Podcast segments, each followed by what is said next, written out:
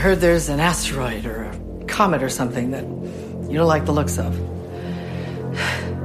Tell me about it. You got 20 minutes. 20 minutes? Go. Uh, a comet between 5 to 10 kilometers across that we estimate came from the Oort cloud. And using Gauss's method of orbital determination and the average astrometric uncertainty of 0.04. Whoa, whoa, whoa, whoa, whoa. I'm so what. bored. Just tell us what it is. This- this- Seriously, stop. What Dr. Mindy is trying to say is that there's a comet headed directly towards Earth. And then what happens? Like a tidal wave?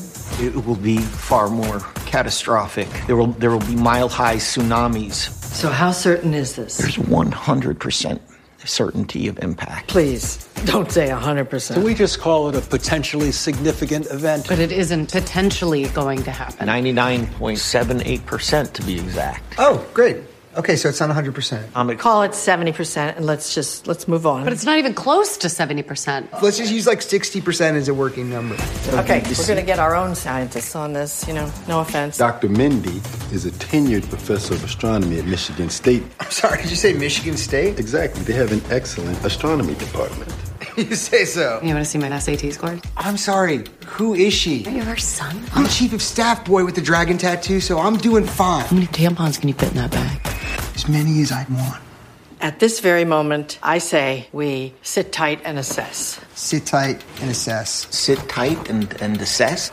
You want us to sit tight. And then assess.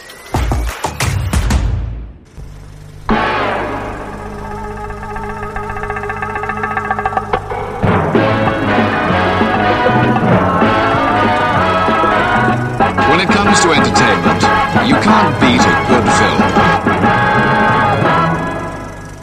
Goedemorgen, goedemiddag, goedenavond of wanneer je dan ook luistert. Welkom bij weer een nieuwe aflevering van Inglorious Rankers, de podcast waarin we films ranken. Van franchise tot filmjaar, van acteur tot actrice. Deze week en de komende twee weken gaan we het hebben over 2021. Een toch wel bijzonder filmjaar. Ranking 2021. En deze ranking heb ik opgenomen met een Inglorious Ranker van het eerste uur, Paul Hauer. Superleuk om weer een keer met hem eh, op te nemen. Natuurlijk zijn we ook benieuwd naar jouw 2021 ranking. Deel het met ons via Instagram, Facebook of tegenwoordig ook Twitter. Voordat we overgaan naar de ranking, eerst een stukje muziek. We starten redelijk stevig uit de Forever Purge Esto no è terminado, This Isn't Over door Snow Da Product samen met de Newton Brothers. En dan op naar ranking 2021.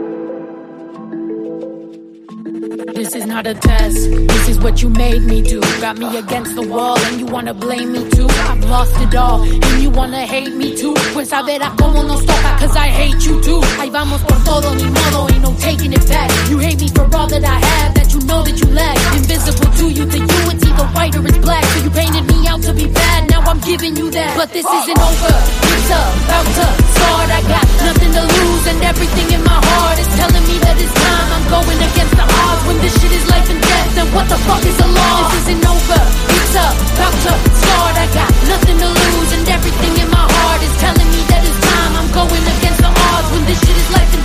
What the fuck is the law? A mí me humillaron, me tumbaron y me patearon. Mi trabajo quebraron y hasta lo pisotearon. Me hicieron sentir menos, me pusieron mil peros. Mil veces me vi en cero, insultos me dijeron. Pero yo no soy la víctima ni tampoco soy monstruo. Lo que pasa es que la venganza por fin tiene rostro. Por fin yo tengo el gozo de salirme del lodo. De los días tormentosos, ahora sí me las cobro. This isn't over, it's about to start. I got nothing to lose and everything in my heart is telling me that it's time. I'm going against the odds when this shit is life and death. Then what the fuck is the law? This isn't over, it's about to start. I got nothing to lose and everything in my heart is telling me that it's time. I'm going against the odds when this shit is life and death. What the fuck is the law?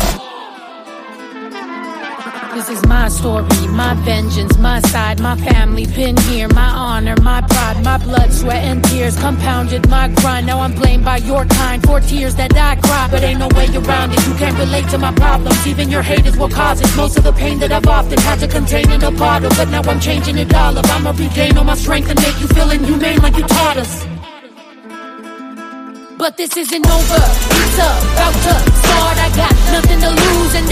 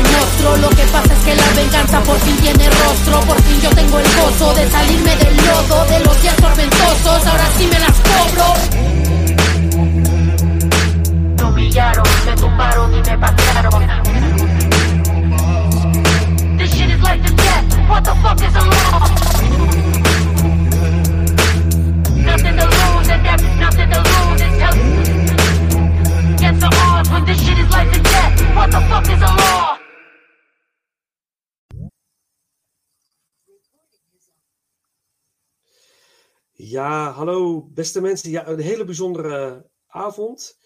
Het is alweer eh, eigenlijk bijna een jaar geleden, maar gelukkig eh, zitten we weer bij elkaar. Alhoewel online natuurlijk, maar toch eh, ben ik ontzettend blij dat eh, Paul en Paul Hauer deze keer, dus niet Paul Hazelhoff, maar Paul eh, de original Inglorious Ranker, mijn eh, counterpart, is, eh, sluit weer aan. En eh, daar ben ik super blij mee. Dus eh, Paul, eh, welkom. Ja. Heel leuk dat we samen gaan ranken. Ja, goedenavond. Als eerste natuurlijk ehm, is het voor de luisteraars wel leuk om even te weten hoe het met je is. Hoe gaat het? Ja, het gaat, eh, gaat supergoed. Super druk. Ik ben het afgelopen jaar met mijn eigen bedrijven begonnen. Dus daar gaat heel veel tijd in zitten. Dat is ook een van de redenen waarom ik natuurlijk destijds eh, Glorious Rankers een beetje op een lager pitje heb gezet. Maar eh, nee, ik, vond, eh, ik vind het natuurlijk wel weer leuk om, eh, om even weer terug te keren voor ranking. Dat, eh, Ja, geweldig. blijft Ja, ook stiekem een beetje mijn kindje. Hè? Dus ja, dan is het leuk om terug te keren. Zeker, zeker, zeker. Maar voor de luisteraars die, die pas later zijn aangesloten en die misschien de eerdere aflevering niet gehoord hebben, wij zijn natuurlijk samen gestart met Inglorious Rankers. Alweer bijna twee jaar geleden. We zijn, het is nu ruim Ja. anderhalf jaar eh, loopt het. Still going strong. En eh, wij zijn eigenlijk gewoon samen gestart. Eh, heel pril Ja. en gewoon begonnen. En, en, en superleuk dat je nog steeds aanhaakt. En mogelijkerwijs in dit nieuwe jaar wel vaker. Dus dat, dat is echt superleuk. Eh vind ik, Ja, ben ik ja heel dat, blij is, dat, eh, dat zijn wel mijn intenties, ja. Om weer wat vaker, eh, weer wat vaker aan te sluiten en van me te laten horen. Ja, Dus, leuk, eh, leuk. Ik hoop dat leuk. iedereen het ook leuk vindt, maar eh daar komen we snel genoeg achter. ja, ik de- ongetwijfeld, ongetwijfeld, ongetwijfeld.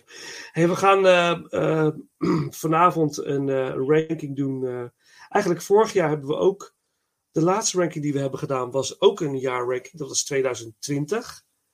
Ja. Dat is de laatste die we hebben gedaan. En vanavond gaan we ranking 2021 doen. Ja. En, en 2021 was ook natuurlijk wel een beetje een eh, apart jaar. nou, zacht uitgedrukt. Zacht uitgedrukt. Ja, ja, 2020 was een verrassend eh, jaar. En toen hebben heel veel films ook niet, eh, hebben de bioscoop niet gehaald. Of die werden uitgesteld. Die we in 2021 wel hebben kunnen zien. En 2020 was natuurlijk een beetje een verrassing met de corona. En 2021 was eigenlijk een herhaling bijna. eh, Ja, van 2020. grotendeels wel, ja. Ja, maar op filmgebied niet. Dus Er is op zich best wel veel uitgebracht, uiteindelijk. Nou ja, het is grappig, grappig dat je het zegt, want ik, ik hou natuurlijk mijn, eh, mijn films die ik kijk, hou ik bij. Ik doe dat tegenwoordig op, eh, op Letterboxd. Kan ik Mhm. trouwens mensen van harte aanbevelen als je gewoon wat meer inzicht wil in je kijkgedrag. En eh, ook lijstjes wil maken van films die je hebt gezien. Of wil lijstjes maken van eh, bepaalde acteurs of regisseurs. een verzameling van films maken. Dat een beetje grip hebt op wat je allemaal kijkt. superleuk om te doen. En je hebt dus wat meer controle over je kijkgedrag. Nou, daar hou ik het dus ook op bij. En ik kijk ieder jaar zo'n beetje 64, tussen de 64 en de 70 nieuwe films die dat jaar uitkomen. Mhm. En ik denk van nou, 2021, uh, toen het bijna voorbij was en uh, ik begon met het lijstje, dacht ik nou, wat een rampenjaar. Ik ben blij dat ik er 10 op mijn lijstje neer kan zetten. Maar het, het, waren er toch nog, zijn er toch nog 38 geworden die ik heb gezien. Dus okay. nou ja, ik kan er wel een aardige top 10 uittrekken. Dus, ja. Ja, ja. nou, ik moet zeggen, ik, moet zeggen ik, vond het nog, ik vond het nog best wel lastig om een top 10 te maken. Want ik heb ook een aantal films die, zal ik zo ook even benoemen, die er niet in staan. Maar die ik wel echt, waar ik echt van heb genoten. En ik denk van ja, dat zijn toch wel films die de moeite waard zijn om toch even te vermelden. Voor mochten mensen het niet gezien hebben. Maar ze staan niet in mijn top 10. En mijn nummer 1, Paul, die heb ik eergisteren gezien voor het eerst. En ik, dacht, en het was, ik had al een nummer 1. Ik had eigenlijk al een soort van mijn top 10 uh, gemaakt. Ik, dan heb ik die maar vast uh, helemaal af. En uh, ik zag gisteren een film en ik dacht, uh, nou ja, nee, uh, klaar. Dit is het. Dit is nummer één. Het, is, kan, het kan niet anders. Dus ik ben heel benieuwd in hoeverre dat gaat corresponderen met jouw, jouw lijst. Ja. Maar uh, ja. Nou, ik, ik zou je eerlijk zeggen, ik heb echt vijf minuten geleden, voordat we de opname hebben gestart, heb ik ook nog een film aan de toplijst toegevoegd. En die is in de top 10 beland. Dus ja, die moet ik gaan benoemen straks. Oh, wauw. Oh, wat goed, wat goed. Hey, maar heb net gekeken, echt net vanmiddag gekeken. Dus, oh, uh... wauw. Oh, dan ben ik heel benieuwd of dat misschien zelfs wel dezelfde is. Ja, maar, dat zou kunnen. ja, ja, toch? Ik, maar uh, uh, als, als je denkt aan films die jouw top 10 niet hebben gehaald, waarvan je zegt, van die wil ik toch even vermelden, heb je dan bepaalde films waar je zegt van ja, die zijn wel toch echt wel de moeite waard, die, die moet je echt gaan kijken? Ja, er zijn wel een paar films die ook mijn top 10 niet hebben gehaald, maar um, ja, die stiekem gezegd wel verdienen om benoemd te worden, of eigenlijk ook wel in die top 10 thuis horen. Alleen ja, je moet uiteindelijk een schifting maken en echt aan die 10 films houden natuurlijk. Anders ja. dan, ja, dan kan je alles wel zo wikken en wegen dat nou, alles leuk is en alles top 10 uh, plek verdient. Ja, een aantal films vallen er buiten, maar er zijn zeker wel een aantal films buiten die top 10 waarvan ik zeg van ja, die moet je toch wel even een keer kijken. Ja. Uh, dus ja, kijk, ik heb wel een aantal, zeker. Ja. Kan, je, kan je ze noemen? Dan doe, doe je eerst ja, jouw lijst. Ja, nee, ja, zeker. Ja, allereerst uh, denk ik dat het heel leuk is om uh, The Last Duel te vermelden van Ridley Scott. Uh -huh. Die heeft uh, ten nauwe nood niet mijn top 10 gehaald, maar ik vond het wel een hele goede film. Um, en ja, dan zou je denken, ja, waarom staat hij dan niet in de top 10? En dat heeft eigenlijk ermee te maken. Het, is natuurlijk een, een film over, nou ja, het speelt, speelt zich ergens af in, ja, middeleeuwen wil ik niet zeggen, maar het is in ieder geval in de tijdperk van de ridders en heren en een hoop, nou ja, hoe moet je dat zeggen? Een hoop uh, gedoe onderling, zeg maar. Uh, over stukken land en over, over, uh, over eigendommen en dat soort dingetjes. En er komt dus tussen twee vrienden komt er een bepaalde frictie als de ene meer aanzicht krijgt bij nou ja, de, de, de koning dan, dan ja. hij. En dan komt er een soort struggeling. En die struggeling gaat verder als dan ook zijn vrouw nog eens keer door zijn ooit beste vriend wordt aangevallen. Ja. Uh, nou, dan, dan ontstaat er dus een, een heftig uh, nou ja, spel tussen die twee. Hè. Ze proberen elkaar natuurlijk uh, in het discrediet te brengen. ze willen elkaar natuurlijk de loef afsteken. Ze willen het hart van die vrouw veroveren. het is een hele, ja, best wel indrukwekkende film. Het is echt ook een Ridley Scott. Hè. Als je naar de settings kijkt, decors, kostuums, dan zeg je, nou, het is eigenlijk een beetje Kingdom of Heaven, hè, die hij ook eerder mm. gemaakt heeft. -hmm. uh, dus ja, gewoon mooi. Niks, geen, geen spel tussen te krijgen. En het verhaal wordt dus verteld uit het oogpunt van de verschillende hoofdpersonages. En dat resulteert er dus uiteindelijk in dat je eigenlijk drie keer hetzelfde verhaal krijgt. Uh, dat is op zich geen ramp, alleen omdat het al een, ja, een traag stuk is. En je krijgt nog eens een keer drie keer hetzelfde te zien, denk je toch bij jezelf van had allemaal wel wat vlotter gemogen. Dus dat is eigenlijk een beetje mijn kritiek op de film. En daarom heeft hij ook die top 10 uh, niet gehaald. Ja, ja. Um, en als ik naar andere films kijk, ja, dan denk ik toch wel dat zeker The Matrix Resurrection een uh, vernoeming waard is. Uh, heb ik op het nippertje nog mee kunnen, kunnen pakken. Uh -huh. uh, voordat de coronapandemie weer uitbrak en de bioscopen dicht moesten. Is, vind ik het echt, echt wel een vermakelijke film. Het is wel een beetje een fanpleaser. Hè? Dus het is vooral weer heel fijn om Neo terug te zien en Trinity terug te zien. En ze hebben ook een hele leuke draai aan het verhaal gegeven.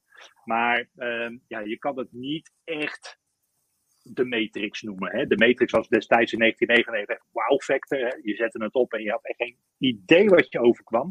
Met al die maffe effecten die, die om je oren geslingerd werd. En een vaak verhaal over machines en oorlog. En nou ja, mensen die in batterijen werden omgetoverd. Nou ja, dat, dat, dat was natuurlijk echt flabbergasted materiaal. En je dacht van nou, we zitten hier toch maar te kijken. En ja, dat ben je inmiddels gewend.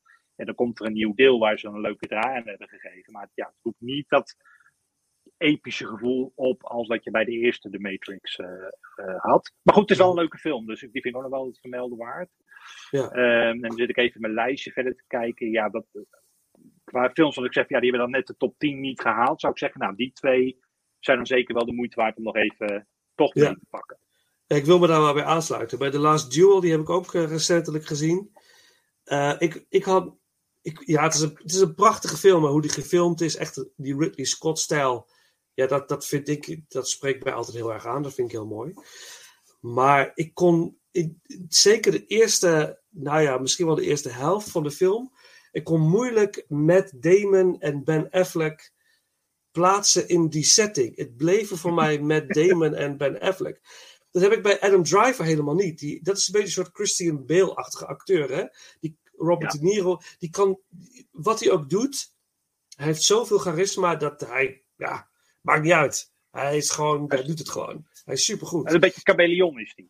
Ja, ja, ja, hij, hij, past in dat Christian Bale, Pacino, De Niro rijtje, vind ik. Uh, dus hij redde voor mij de, eerste helft van de film. Maar de tweede helft van de film. Je ziet wel zeker inderdaad het verhaal opnieuw. Maar zodra je het oogpunt van, die vrouw, van de vrouw begon te zien. Toen begon die film mij wel te raken. Dacht ik van ja, dit doet wel wat met mij. Denk jeetje, dit is wel even uh, even andere, andere koek, zeg maar. Maar het, het redde de film niet dusdanig om inderdaad om in de top 10 te komen. Matrix heb ik ook uh, gezien. Ja, ik kon denken, ja, leuk, leuk om het weer te zien. Om weer een beetje die experience te hebben. Maar het haalt het bij lange na niet, inderdaad, bij die trilogie. Want ik zie het een beetje als een trilogie. Ik vond zelfs de, derde uh, film van de Matrix ook wel de moeite waard. Omdat het, mooi, het, maakt het verhaal zo mooi af. Dus ik vond dit een beetje zo'n nakomertje, ja, een fanpleaser, wat je zegt. Ja, dat. En leuk, leuk, leuke draai, weet je, over de, de Matrix game, wat erin verwerkt zit. Allemaal leuk, leuk bedacht en heel eigen tijds, maar ik, ik, ik kon niet, ik, ik had niet hetzelfde, dezelfde connecties met de andere films. Ik heb onlangs gezien Ghostbusters Afterlife. Zat bij mij niet in de top 10, maar net niet. Gewoon puur omdat ik dacht, ja, ik kan, kan geen andere meer uitgooien. Anders had ik hem erin gezet.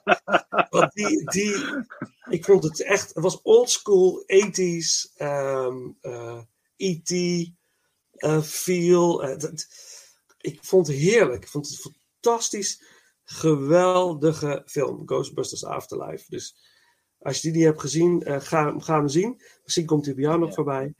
Dan wil ik graag ik ook. Ja, ben, ik ben pijn in mijn hart. Uh, ga ik dit zeggen, maar het staat er niet in. Is uh, No Time to Die. Uh, Bond, ik vond, ik vond hem echt fantastisch. Ik heb echt genoten van, van deze laatste Daniel Craig film. Rond, rond zijn stukje franchise. Echt perfect af.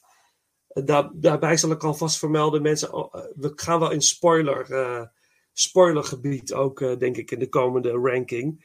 Want sommige dingen in de films die we gaan bespreken, in ieder geval in mijn lijst, er komen wel dingen, ja, moet je gewoon bepaalde dingen benoemen om, om te zeggen wat je, wat je ervan vond. Dus spoilers ahead. Dus dat geeft ons ook een beetje een vrijbrief om te, te spreken over wat we willen. Dus No Time to Die. En de twee Disney-films uh, Encanto. Als je de nieuwe Disney-film uh, Encanto heel recent uitgekomen op Disney Plus staat hij nu. Eh. Nou ja, mijn kinderen zijn al verslaafd. Eh, die zingen al de liedjes uh, door het hele huis heen. Uh, maar de film is echt. Ik, ik, ik was helemaal weer verbaasd van hoe. Waar halen ze het vandaan? Hoe dit hele concept? Wie bedenkt dit? Dit is geniaal bedacht. Dus ook weer een traantje gelaten bij Encanto ook weer.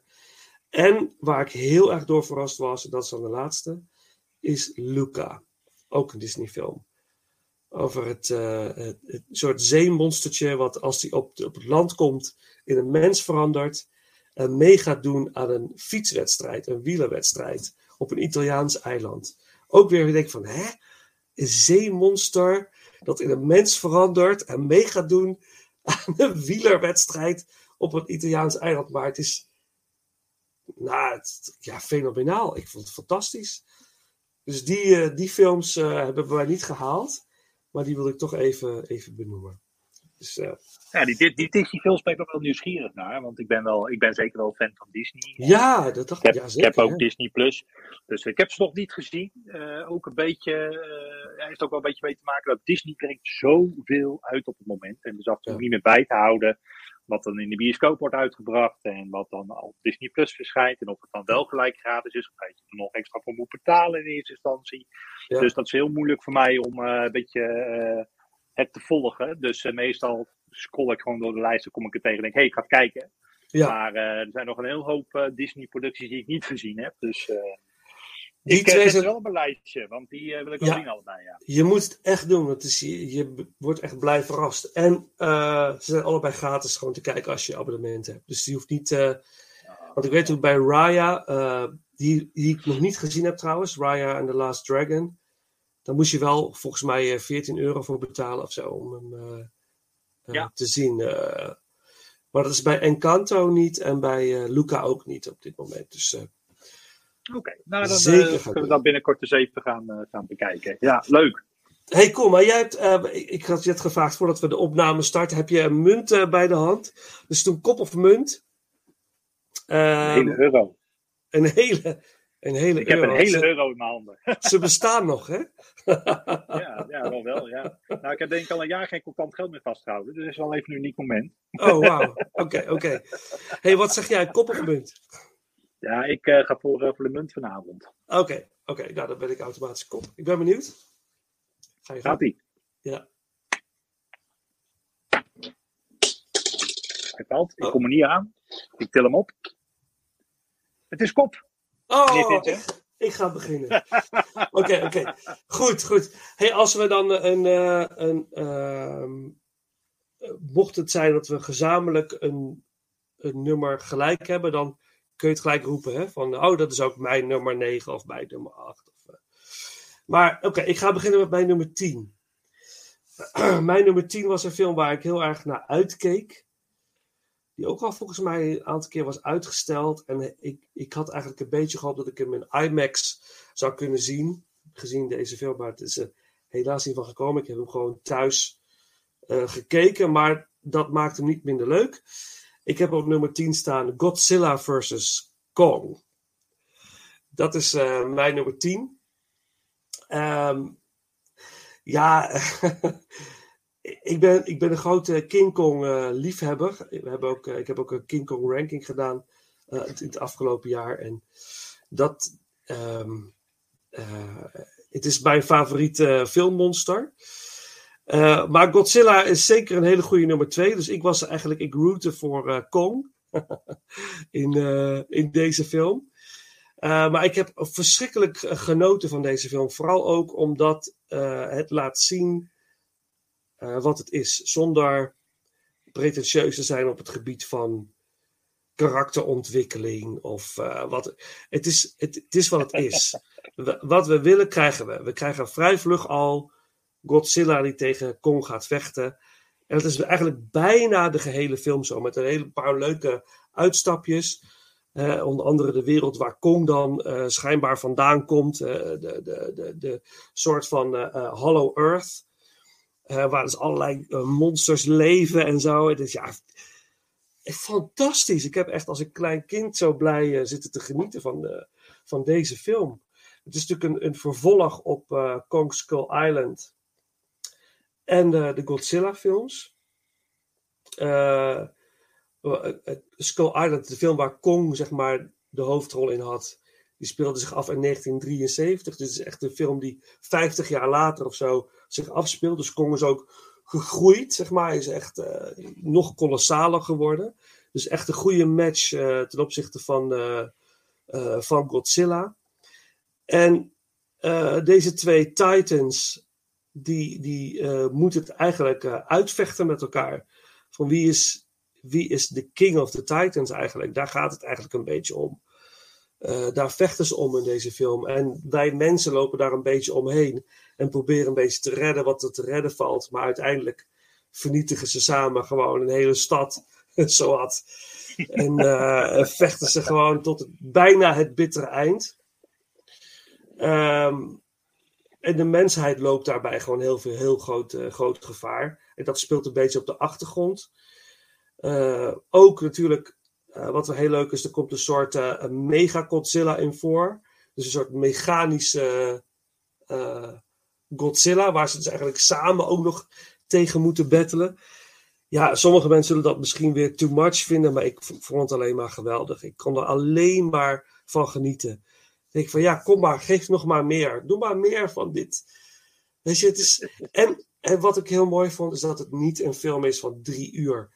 Want wat ik las, het oorspronkelijk deze film drie uur zou gaan duren. Maar dat de regisseur heeft gezegd: nee, dat gaan we niet doen. Want we gaan dat ene uur niet spenderen aan mensen die praten over monsters. Mensen, we willen gewoon die monsters zien vechten. En daar gaan we ons uh, geld en energie en tijd in stoppen. Om dat zo realistisch mogelijk in beeld te brengen. en dat hebben ze gedaan. De film duurt nog geen twee uur. En het is perfect. En de special effects zijn waanzinnig. Het is bijna, uh, bijna uh, real life eigenlijk, hè, wat je ziet. In, uh, dus ja, dat is mijn nummer 10. Heb, heb jij hem gezien? Ja, ik heb hem gezien. ik ben het ook met je eens. Het is gewoon echt een hele goede popcorn film. Effecten Toch? Ja. top. Ja, ja, monsters die eigenlijk vanaf minuut 1 al gelijk met elkaar op de vuist uh, gaan. Ja, ja, dat is super. Dat wil je gewoon zien in zo'n film. En uh, nou ja, goed, ik. Uh, dat, dat hele Monster Universe, daar had ik wel wat, wat, wat twijfels bij. Je ziet af en toe toch wel dat ze dan zwemmende zijn hè, met die voorgaande delen. Juist in deze film zie je totaal geen, eigenlijk geen goed verhaal of karakterontwikkeling. Terwijl ze dat in de eerdere Godzilla-film en in de eerste Kong-film dat weer wel juist heel erg deden. Ja. Wat ook averechts werkte, want dat wil je inderdaad niet zien. En dan zag je uiteindelijk vanaf uh, Godzilla, King of Monsters en dan dit vervolg, zie je eigenlijk dat ze een goede weg in zijn, zijn geslagen. Ja, en is het continu actie pompen. En dat, uh, ja, dat wil je zien. En die effecten zijn super vet. Dat is echt, echt tof gedaan. Ja, dus, toch? Uh, nee, helemaal met je eens. Hele toffe popcornfilm.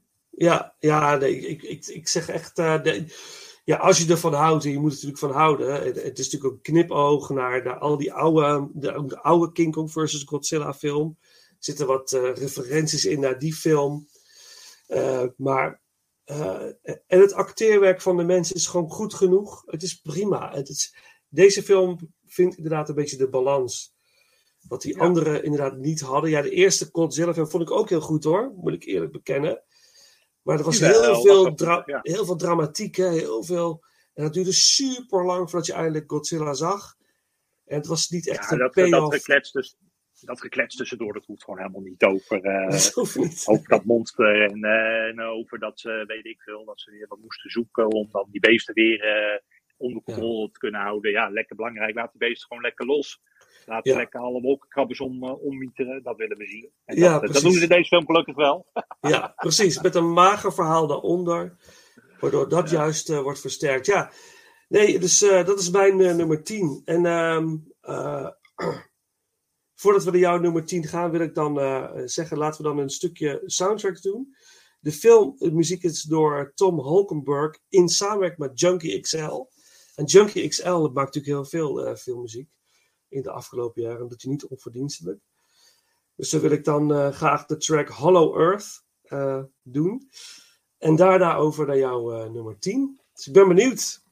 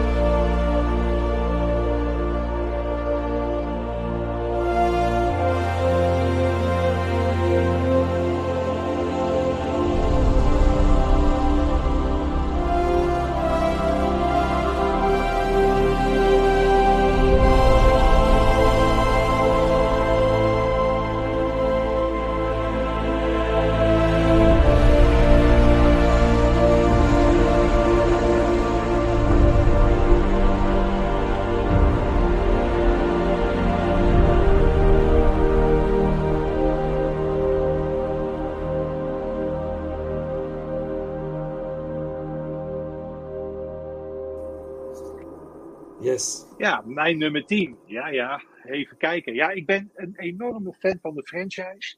En uh, er kwam dit jaar weer een nieuw deel uit. Uh, ze komen net zo vaak uit als uh, dat. nou ja, ze komen vaak uit, laat ik het zo zeggen.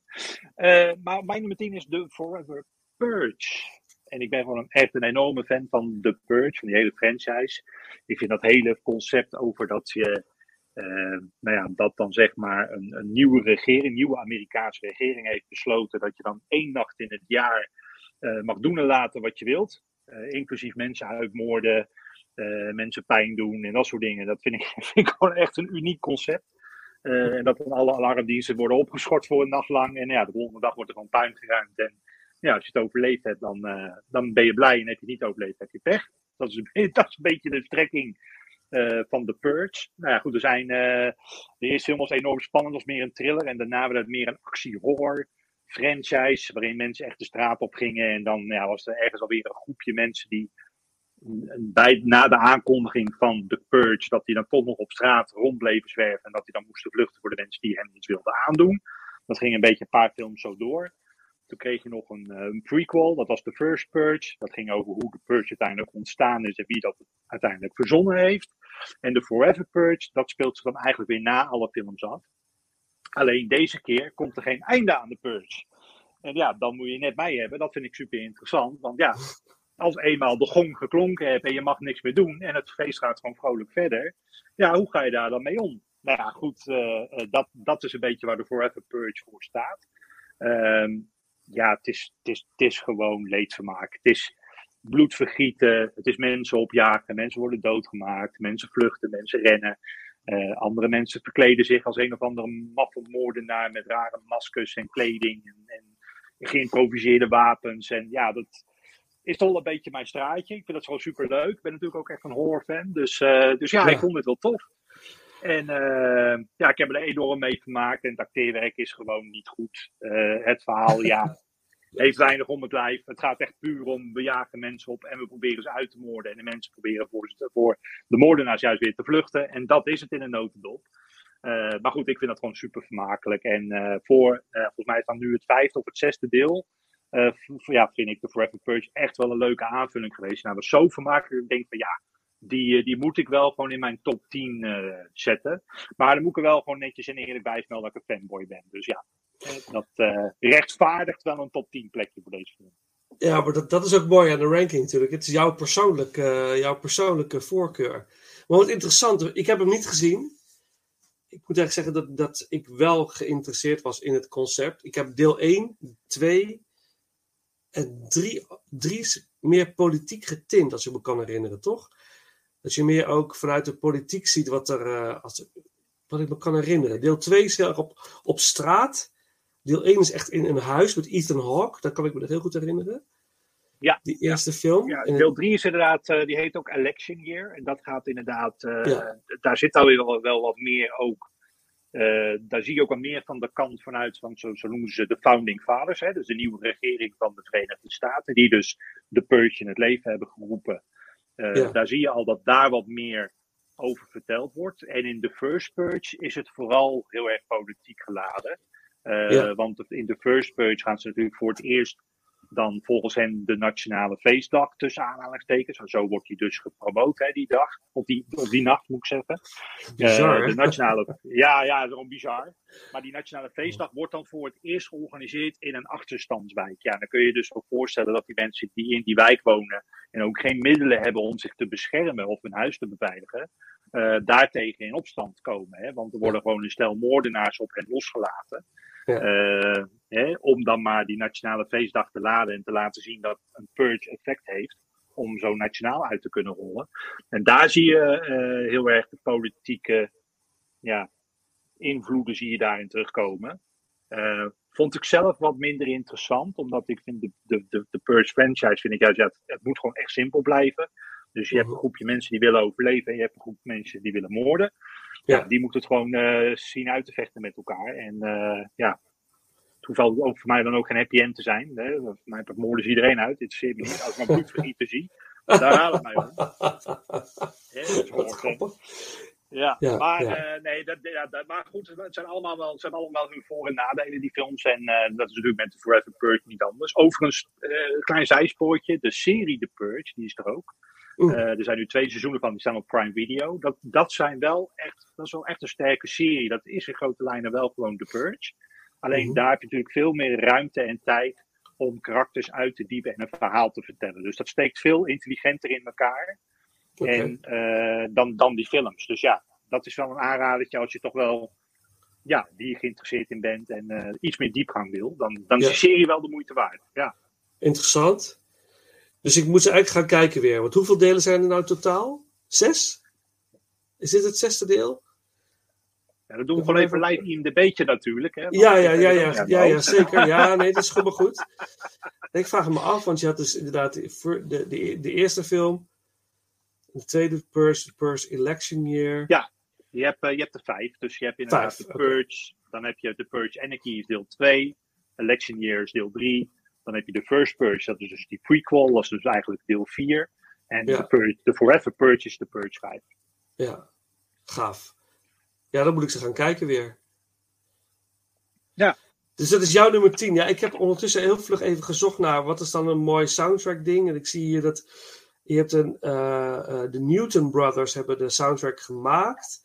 En dan heb je een track die heet Mexico. En dat heeft wel een bepaalde sfeer volgens mij, wat ik hier zo zie. Of lees. Dus eh, laten we die track doen van de Forever Purge. En dan eh, gaan we naar mijn nummer 9.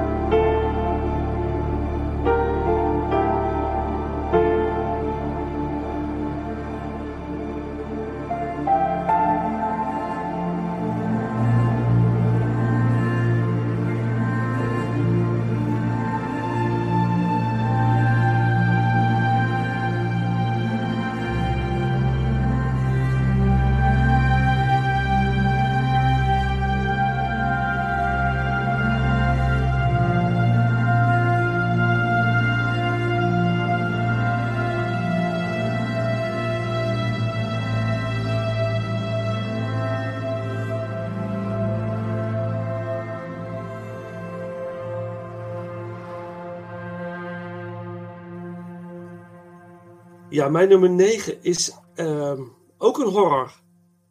dat is wel leuk. Het is eigenlijk eh, de enige echte horrorfilm in mijn lijst. En dat is, uh, ja, ja, James Wan, de film Malignant.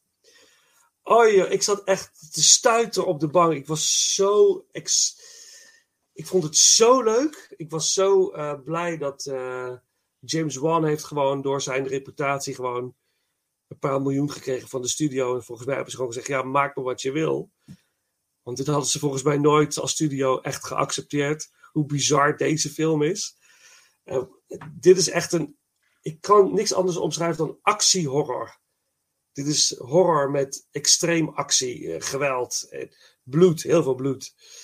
het gaat eigenlijk over, over een, een, een, een, meisje, laat ik zeggen, Madison. En zij is zwanger. En zij, zij wil eigenlijk dat kindje heel graag hebben. Maar ze heeft een gewelddadige vriend, die ook, of een man, die heeft zichzelf niet helemaal in de hand. En op een dag uh, mishandelt hij haar best wel heftig.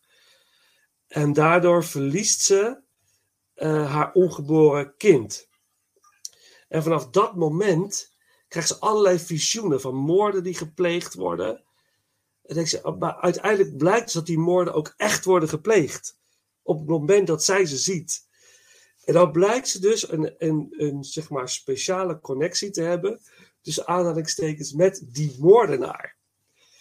En uh, ik weet niet, ja, of we nou echt in zo ver moeten spoilen voor deze film wie die moordenaar is.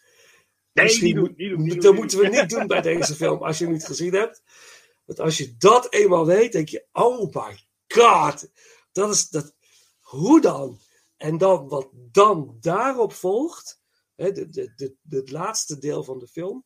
Ja, toen zat ik echt te stuiter op de bank. Ik vond het echt fantastisch. Ik denk, nou, dit is. Um, hier hou ik van. Dat je dat. Ja, het is echt een, echt een mindfuck ook. Hè? Het is Ja, echt, uh, je wordt continu op het verkeerde spoor gezet en je weet echt niet wat er gaande is. En uh, ja, wat, er, wat, wat er zich afspeelt. En je bent ook continu, je probeert continu die film ook te klassificeren. Is het nou een thriller? Is het nou een horror? Is het een bovennatuurlijke horror? Is het, een, wat je zegt, is het een actiehorror? Je weet het gewoon niet, tot eigenlijk het laatste moment. En dan Ja. denk je, ah, oké, ja, nee, nu snap ik het. Ja. wel. ja, dat is wel tof gedaan. Ja. Ja, absoluut. Ja, dat vind ik wel mooi wat je zegt. Want je, je probeert het in een hokje te plaatsen. En dat lukt gewoon bijna niet. Je kunt het niet in een hokje plaatsen. Dit is, dit is een unieke film in, eh, in het horror, eh, horror-actie-genre. Ja, dus ik, ik heb daar ontzettend van genoten. Heel mooi acteerwerk. Eh, eh, daar, daar heb ik echt, eh, ja, echt. Ja, en James Wan, weer, wederom. Hè, na Saw, eh, The Conjuring. Dat hij zoiets als dit weer brengt. Ja, ik kan me ook wel heel goed voorstellen dat heel veel mensen zoiets hebben van ja, dit is niet aan mij besteed. Of dit is niet echt de film waar ik voor warm loop. Dat, dat begrijp ik ook wel. Je moet er wel tegen kunnen als een film je echt een beetje uitdaagt. En dat het een beetje naar het bizarre trekt. Dat je denkt van ja, dat, je moet niet, net als, net als bij een Indiana Jones film, of naar een Bond film kijken en zeggen van ja, dat kan natuurlijk nooit.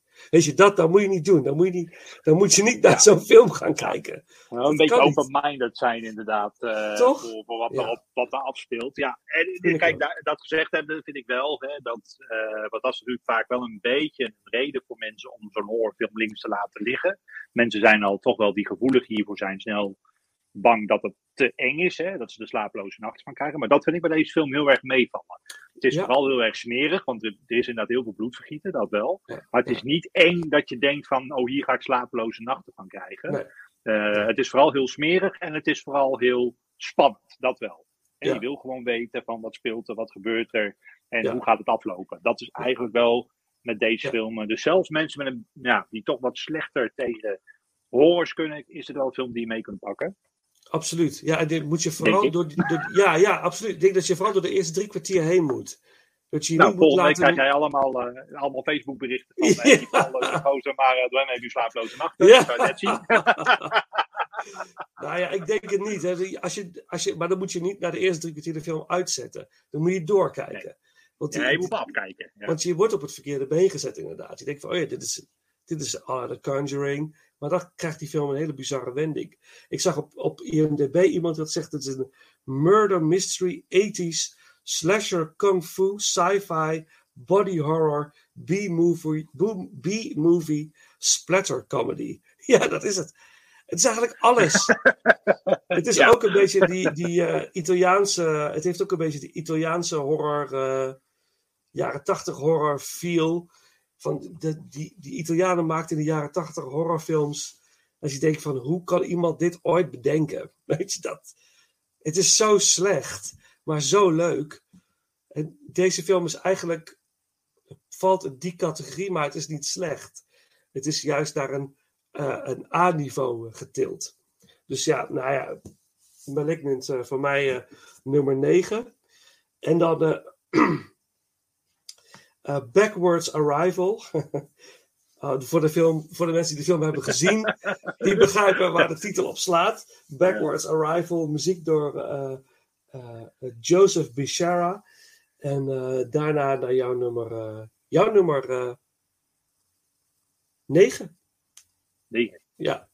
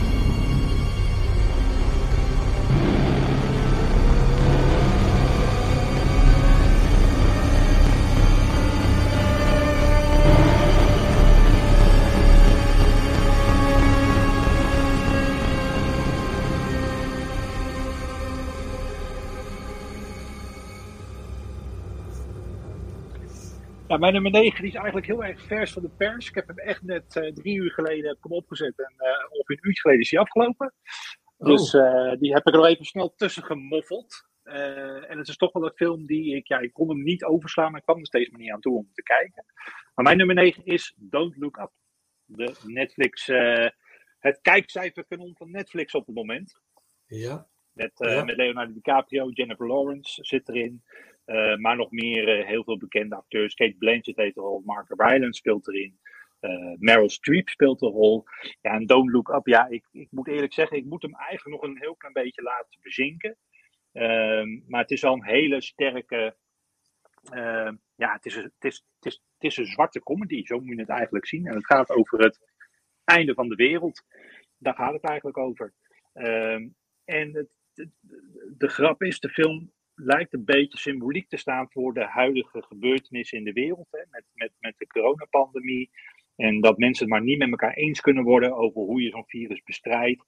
Uh, Er staan mensen lijnrecht tegenover elkaar. Uh, breken rellen uit. Uh, mensen hebben onbegrip. Vriendschappen worden verbroken. Overheden vallen om. Nou ja, noem het allemaal op. En dat is eigenlijk precies wat er ook in Don't Look Up gebeurt. En dan met een net iets andere strekking. Is dat dus er komt een komeet op de aarde af. Die wordt ontdekt door een wetenschapper. En uh, die proberen met man en macht mensen te overtuigen dat dat ding op aarde afstormt. En niemand wil hen geloven. Uh, de een verklaart ze voor gek. De ander wil ze wel geloven, maar durft zijn vingers er niet aan te branden. En de ander, en in dit geval dan de Amerikaanse overheid, die probeert er dan zelfs een slaatje uit te slaan. Van oké, hoe kunnen we dit gebruiken om onze verkiezingen te winnen en om zieltjes te winnen. En om dit dan, uh, zeg maar, uh, ja, om dit dan hier commercieel voordeel uit te halen. Ja, en dan zie je eigenlijk hoe dat allemaal ja, in de knoop raakt. En dat het eigenlijk, ja, tot, tot het moment dat er geen stap meer terug is. En dat dus dat ding er bijna is. Uh, en ik ga niet verklappen hoe die eindigt, maar ik denk dat je dat zelf wel kan invullen. Maar uiteindelijk komt het dus op neer van, ja, door de oneenigheid van de mensen op deze aardbol, helpen we onze planeet naar de kloten. Daar gaat het eigenlijk om. En dat is gewoon verpakt in een zwarte comedy, die uh, ja, in dat opzicht heel doeltreffend is en ook wel een eye-opener is. Uh, ja, en dan vond ik hem toch wel waard, ondanks dat hij bij Vlaag wel een beetje aan de trage kant is. Uh, vond ik het wel waard om in de top 10 te zetten. Maar er zit ook enorm veel hilarische momenten in. Dat is echt, uh, ja? echt soms echt, echt gehuild van het lachen.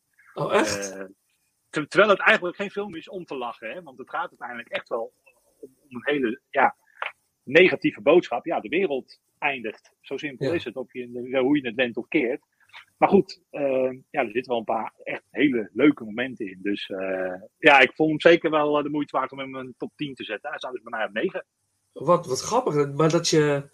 Je hebt hem echt net gezien, vandaag, als, als ja, in ja. zojuist.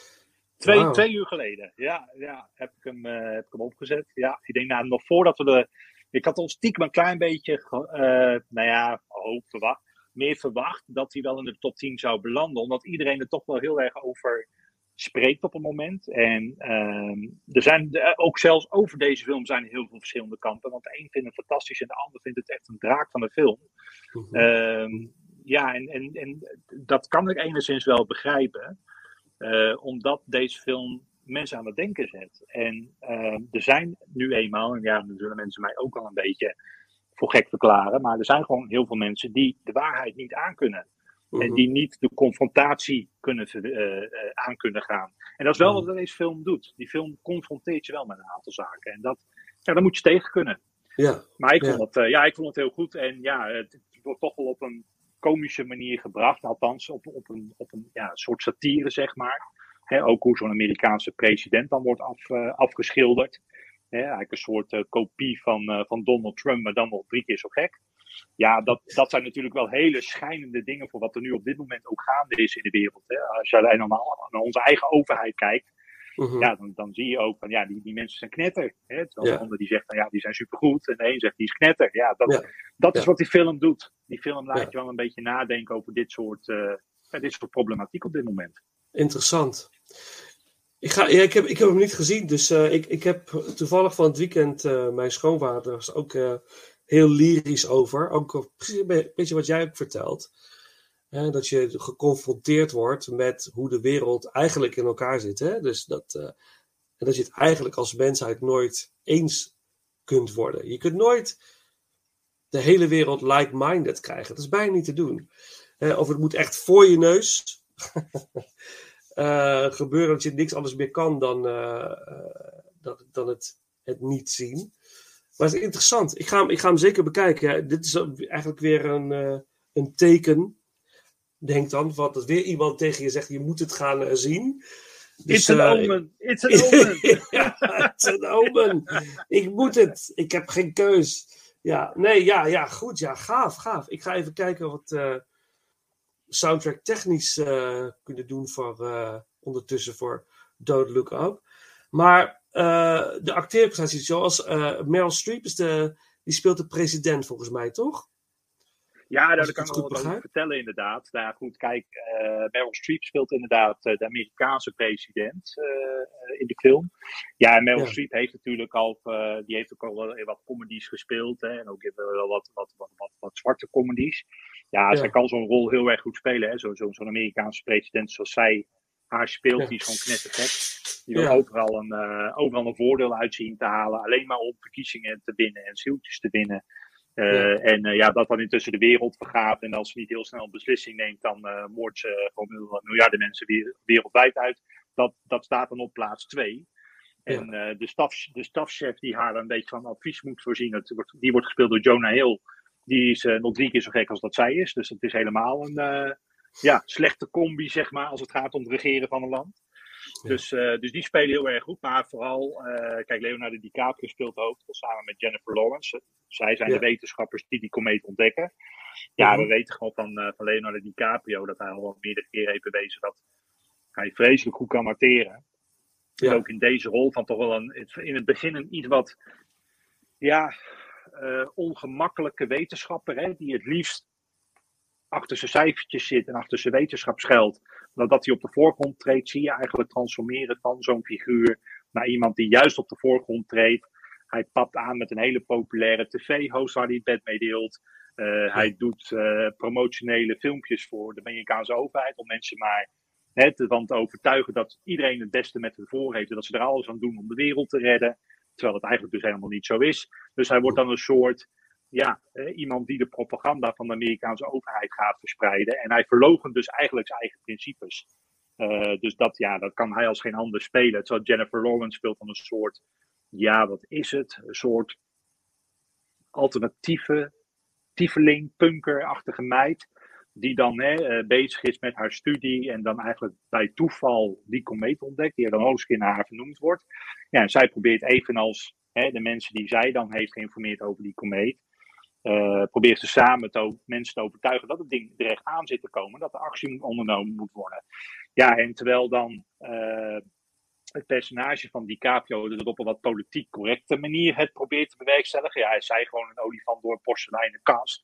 En eh, ze scheldt de hele boel bij elkaar om maar haar stem te laten horen. Ja, en dat levert dan ook alweer grappige momenten op. Maar het is ook alweer heel erg schrijnend om te zien dat iemand die dus niet in het plaatje past waar wij als, als menigte, als mensheid gewend aan zijn. Hè. Dus als je niet aan bepaalde eisen voldoet, qua bijvoorbeeld uiterlijk wijs, dan ben je gelijk een stuk minder waard en wordt er niet naar je geluisterd. En dat is natuurlijk te krankzinnig voor woorden. Ja. Hè, de- de- iemand in een spijkerbroek kan net zoveel te vertellen hebben als iemand in een driedelig pak. Maar juist door die kortzichtigheid van de mensheid wordt heel snel een label aan iemand geplakt en wordt iemand niet gehoord. En dat is natuurlijk heel schijnend als je dat in zo'n film heel duidelijk naar voren ziet komen. Dat is heel confronterend om te zien. Ja. Dus eh nee, die acteerprestaties zijn echt top. Gaaf, man. Ja, dat is overduidelijk. Ik moet, eh, ik moet eh, eraan. Ja, deze dagen. Ja. nou ja, misschien. ja. Nee, ja. ehm, ehm, ja, ik, ik zag een leuke de soundtrack van Don't Look Up. van Electric Light Orchestra, het nummer Don't Bring Me Down. Laten we die dan doen. En dan eh, gaan we door naar eh, mijn nummer 8.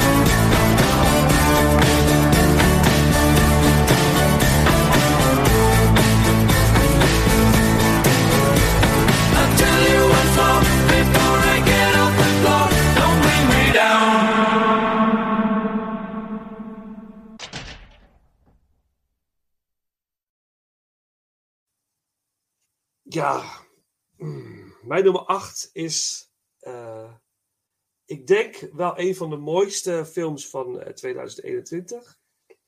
Maar hij staat toch vrij hoog in mijn top 10, of vrij laag, laag, nummer 8. Eh, dat is eh, Dune, eh, van Denis Villeneuve. Eh, waar we ook een ranking over hebben gedaan afgelopen, in het afgelopen jaar. Over die regisseur. En eh, Dune is ehm, gigantisch succesvol geweest, wat ik heb begrepen. Want er komt een eh, vervolg, want Dune is nog niet af. Hè? Het is Dune Part 1. En dat is volgens mij ook een beetje de reden waarom ik hem laag in mijn top 10 heb. Want ehm, ik, ik, ik ken het boek. Het boek staat hier in de kast. Ik ken het boek. Ik ben een grote fan van de 1984 David Lynch versie. Dus ik weet waar, de, waar het verhaal naartoe gaat. Ik weet wat er nog komt. Dus het was een enorme teleurstelling in de bioscoop toen dat die film op een gegeven moment afgelopen was. Ik denk van ja, wacht even. Weet je, het is, het, is niet klaar. Er komt, wat er nog gaat komen is tien keer nog mooier dan wat dat we nu hebben gezien.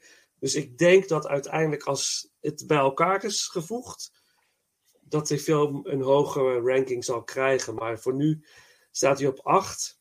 Ja, eh, het is een heel gecompliceerd verhaal, science fiction verhaal. Eh, eigenlijk over eh, eh, in een universum, in een universe, waarin verschillende families, geslachten, hè, geslacht Atreides, geslacht Harkonnen, die, die een soort een strijd met elkaar voeren. En alles draait om de spice, het kruid, wat gedelft wordt op de planeet Arrakis, de planeet Dune. En die, dat kruid, dat kan je bewustzijn verruimen, het, het geeft je rijkdom, ehm, eh, het, het, het geeft je leven. Het is, het is een heel waardevol kruid, de spice. En eh, de film gaat eigenlijk over het House Atreides, waar de jonge, eh, de hertog Atreides van het geslacht Atreides heeft een zoon, dat is Paul. En Paul, daar draait het eigenlijk allemaal om. Eh, ehm, die volgen we gedurende de film eigenlijk. En het House Atreides krijgt eigenlijk de, de, de leiding over het delven van, het, van de spice op de planeet Arrakis. Maar voorheen was die taak voor, de, voor het geslacht Harkonnen. En de Harkonnen zijn nogal, zeg maar, het zijn een beetje de bad guys, de slechterikken. Eh, niet echt heel erg eh, vriendelijke volk, zeg maar. En die moeten van die, van die planeet weg om plaats te maken voor Atreides, die daar dus eh, spice gaan eh, delven. Maar uiteindelijk blijkt dat één groot plan te zijn. want er is nog een geslacht, het geslacht van de, van de keizer eigenlijk, die emperor. En die werkt samen met de Harkonnens om uiteindelijk het geslacht Atreides als ze het meest kwetsbaar zijn op die planeet June, eh, waar ze dus eigenlijk niks kennen. Dat ze zijn super kwetsbaar, want ze komen van een soort waterplaneet. En ze moeten nu op een woestijnplaneet zien te overleven. Dus ze zijn super kwetsbaar. Dus uiteindelijk is het een complot om House Atreides weg te krijgen. En zodat eh de Emperor samen met Harkonnens eigenlijk een monopolie krijgt over Arrakis en over de Spice. Heel gecompliceerd verhaal eromheen, maar uit- uiteindelijk gaat het om de zoon van hertog Atreides, Paul, die eh, klaarblijkelijk een belangrijke rol speelt in het geheel, want de, de oorspronkelijke bevolking van Arrakis, de Fremen, die eh, wachten al jaren en jaren en jaren op The One, op een soort Jesus Christ, een Messias. Ja, de Mahdi. Ja, Mahdi. de Mahdi, ja. Die hun komt verlossen en eh, de planeet vrijheid zal geven. Hè? Dus die onderdrukkers, zoals de Harkonnens en zoals. die eh, moeten weg, zodat het June van de oorspronkelijke bevolking weer wordt. Nou goed, heel gedoe. En zij zien Paul als die eh, Messias. En gaandeweg blijkt, ja, mogelijkerwijs is Paul wel die Messias. Ja, dus het klinkt allemaal heel gecompliceerd. Eh, maar het maakt wel een, eh, alles bij elkaar een waanzinnig boeiend, meesterlijk verteld verhaal. En ehm eh, Denis Villeneuve heeft het ontzettend goed verfilmd. Het boek, het verhaal is heel gecompliceerd, maar als je de film kijkt, rol je er heel gemakkelijk in. En kun je het heel goed volgen. En ehm, dat vind ik heel eh, bewonderenswaardig hoe hij dat heeft eh, gedaan. Dus ik begrijp ook heel goed waarom hij daar twee films van wil maken. Want het is, je moet hier de tijd voor nemen. En klaarblijkelijk is het publiek daar ook klaar voor. Want het is echt omarmd. Eh, het, is echt- het is een beetje Game of Thrones in space.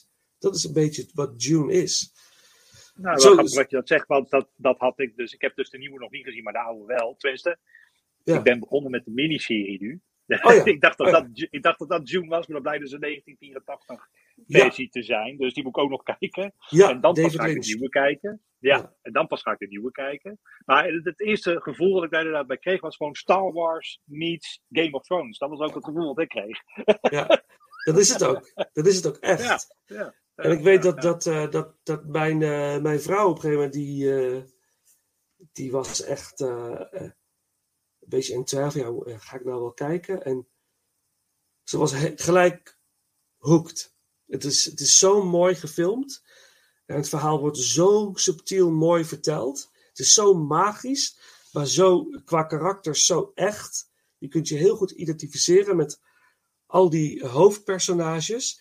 En de, en de bad guys zijn ook echt bad guys. Het zijn echt hele smerige lieden, zeg maar. Hele, echt rotzakken, zeg maar. En eh, ja, die film doet dat fantastisch. En wat David Lynch heeft gedaan in 1984, is die film geprobeerd te proppen in een uur en tien minuten, twee uur en tien minuten. Eh, het is een magisch mooie film, echt ethisch, met muziek van Toto en zo. Echt, eh, echt wel de moeite waard, maar het is een, een gecompliceerde film om te zien. Moeilijk om te volgen. En nu Villeneuve gaat hier de tijd voor nemen, waardoor dus een breder publiek deze film kan, eh, kan accepteren. Het is een nieuwe manier van film maken en, en ik vind het heel mooi dat, dat een groot publiek dus klaarblijkelijk bereid is om een op zich trage film eh, te kunnen eh, absorberen, te kunnen verwerken. Hè, zonder dat je behoefte hebt aan iedere seconde weer een nieuwe, een nieuwe impression, een nieuwe indruk. Dat je het gewoon over je heen laat komen. En hij heeft daar de skills voor, deze regisseur, op een of andere manier. Ik vind dat heel bijzonder. Ja, zeker zo. Ja. Ja, hij maakt hele bijzondere films inderdaad. Die altijd, die altijd wel meetrekken in het verhaal. En Ja, die, dan ook, eh, die dan ook boei- geboeid volgt. Ja, zeker. Ja. hey, maar jij kijkt nu de miniserie, die heb ik dus nooit gezien. Is, is het wat? Oh, wat een drama. Ja, het is, eh, nee, ja, nee, ik kan het ook goed vertellen. Kijk, ik, eh, eh, mijn verhouding met June is heel apart, omdat ik ken, de, ik, ik ken van het bestaan van June. Mhm. En natuurlijk wist ik ook dat die nieuwe film van Denis Villeneuve eraan zat te komen. Ehm, en ja, dan moet je op de duur wel, ja, niet dat je moet van vergelijken, maar je wil toch even weten, oké, wat was het en wat is het geworden? Dus ik had al een hele tijd een hele mooie special edition in mijn kast staan van June. Ja. En laatst dacht ik dus, ik pak die er eens bij. Dus ik zit te kijken en ik denk, ja, dit, dit ziet er inderdaad echt uit als 1984. Dus Ja. maar ik heb er al wel de neiging ook tijdens de film, eh, dat ik dan op IMDb zit en even kijken, oh, wat heeft die nog meer gedaan? Hé, die ken ik ergens van, heeft hij nog meer ingespeeld? En toen kwam ik dus achter, hé, die acteurs, Patrick Stewart, die zit helemaal niet in. Die heb ik helemaal niet gezien, hoe kan dat toch? Nou, toen Ja. kwam ik er dus achter dat ik dus de miniserie uit 2000 aan het kijken was. Ja, als je dat dan weet, ja, dan zijn de special effects gewoon ruk. Ja, dat acteerwerk is gewoon niet super over. Het is echt miniserie kwaliteit. En dat is niet erg, want in, als je hem dan met, door die ogen kijkt, ik ben dus nu ongeveer halverwege, eh, dan, dan, dan heb je daar ook wel begrip voor. Maar het maakt je wel nieuwsgieriger naar de 1984 versie van Ja. David Lynch. Ja. En dan ook weer naar die nieuwe van Denis Villeneuve. Ja. En dan denk ik wel dat die miniserie het zwaar gaat afleggen tegen die twee. Ja. dat denk ik wel. Maar eh, nee, ja, goed. Ja, het, is, eh, maar het verhaal, ja, dat is natuurlijk allemaal hetzelfde. eh, Ja. In grote lijnen. Eh, maar zelfs super interessant. Dus eh, ik ben wel geboeid. Ik vind het wel interessant wat er gebeurt en ik wil weten hoe het afloopt. Dus, eh, Ja, gaaf. Gaaf. Ja, ik zou je de 1984-versie zeker aanraden. Het is eh, Sting speelt er ook in, hè, natuurlijk. En Patrick Stewart, inderdaad. En dus, Ja. eh, voordat we overgaan naar jouw eh, nummer 8, maar een laatste ding. De special effects in de 1984-versie zijn heel wisselend. Soms denk je van, wow, dat is echt waanzinnig goed. En dan valt het weer ineens heel erg tegen qua special effects. Het is zo'n budgetding geweest, denk ik. Ja. Ik denk altijd van, Nou, ik, denk dat des, ik denk dat destijds ook wel hè, dat, dat studio's anders met budget omgingen. Daar was het denk Ja. ik meer wel een kwestie van: oké, je hebt gewoon zoveel miljoenen, daar moet je het mee doen. Ja. Terwijl als je een nieuwe film maakt en die regisseur komt, ja, hey, ik heb nog eh, extra budget nodig, want we willen dit gaan doen. Maar dat kan je een veel betere film opleveren en dat kan een veel, eh, eh, veel betere box-office opleveren. Dan is een studio geneigd om het budget aan te passen. En ik denk dat Ja. dat in de jaren tachtig wel een ander verhaal was. Van, Oké, dit is het budget, daar moet je het mee doen en zoek het maar uit. Ja, en dan moet je keuzes maken. Zo simpel is het. Ja, absoluut. Ja, dat vind ik altijd zo mooi als je, als je dat dan vergelijkt met vier jaar daarvoor Empire Strikes Back. Dat is altijd zo'n film waar ik steeds weer bij terugkom. Dat ik denk van ja, als je, als je die film nu kijkt, de special effects die, die zijn nog steeds supergoed. Op een of andere manier zijn daar genieën aan het werk geweest bij Empire Strikes Back.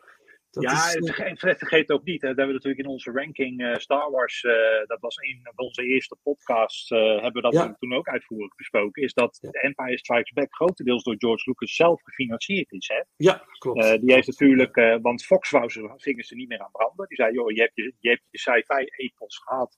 Het Ja. heeft ons geen windeieren gelegd, maar dat we nog een keer zoveel geluk hebben, daar geloven we niet in. Dus eh, je krijgt een paar ton en zoek het maar uit. En hij heeft zelf eigenlijk de rest gefinancierd.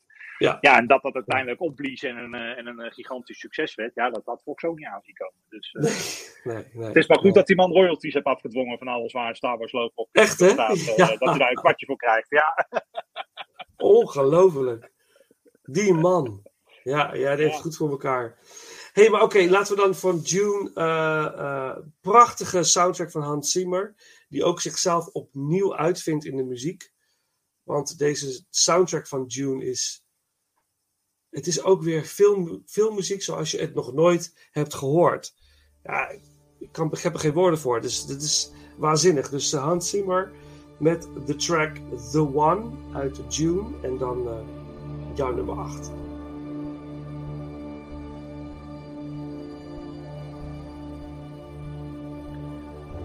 Nummer 8 alweer.